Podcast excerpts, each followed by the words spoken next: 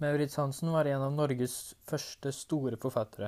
Han skrev en tid der romantikken var dominerende og var påvirket av ideen om det ekte og nasjonale, men også av det skrekkromantiske, det mystiske. Både det romantiske og det mystiske finner vi igjen i denne novellen.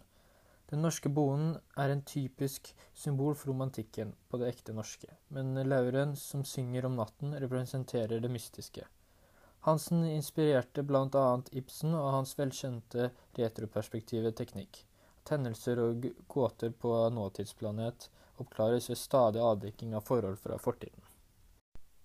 Den er en typisk romantisk tekst og er poetisk. Selv om fortellingen er skrevet som et brev, kan man trekke linjer til samme innhold i historien som et eventyr. Det er en god hjelper og et problem. Det som gjør den typisk, er at den fremhever naturen og gir en nasjonalfølelse. Alt som, blitt, alt som er norsk, blir levende gjort og sett på som fantastisk. Maurits Hansen har brukt mange adjektiver i brevet som gir oss en klar beskrivelse av hvor vakker naturen er, og hvordan folk er typisk norske. Det fremhever det nasjonalromantikken i Norge dreide seg om. Man skulle understerke og fremheve det absolutt norske.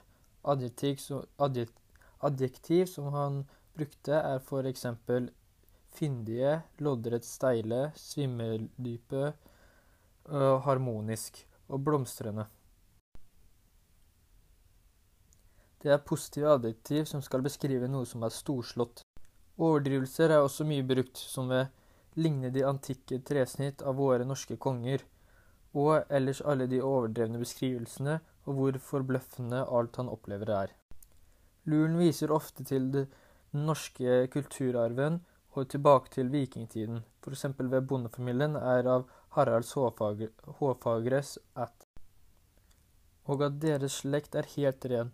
Også ansiktstrekkene til bonden minner og, og tresnitt av de norske konger.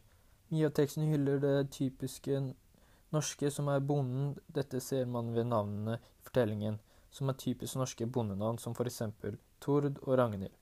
Dette var for, å fremme en bedre nasjonalfølelse.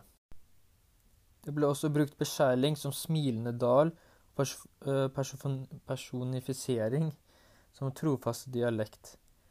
Disse virkemidlene gjør fortellingene mer levende, og ved at dalen blir beskrevet smilende, blir dalen mer innebygdende. Personifiseringen gjør at dialekten ses på som en del av kulturarven, og noe som er typisk for de norske bygdene.